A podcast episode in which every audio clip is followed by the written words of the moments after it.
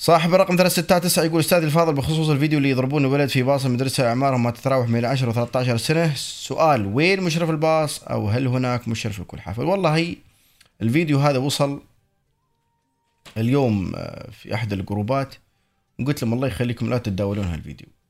مؤلم والله مؤلم ال- الفيديو صراحة.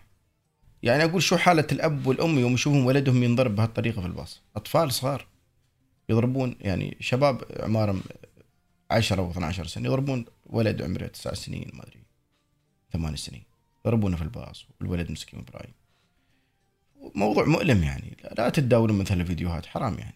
ما, ما, ما له قيمة يعني. فضول زائد.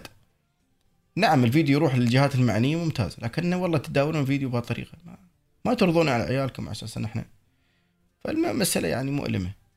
موضوع التنمر هذا موضوع قديم حديث يعني موضوع الشللية والعصابات و...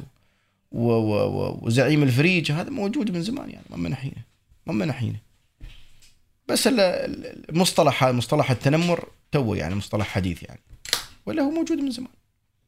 فالله يعين يعني. أقول هالولد لو في ربو أنتوا اللي اللي يشوف الفيديو يحطونه تحت الكرسي يا ريال. لو في ربو هذا بيختنق بيموت.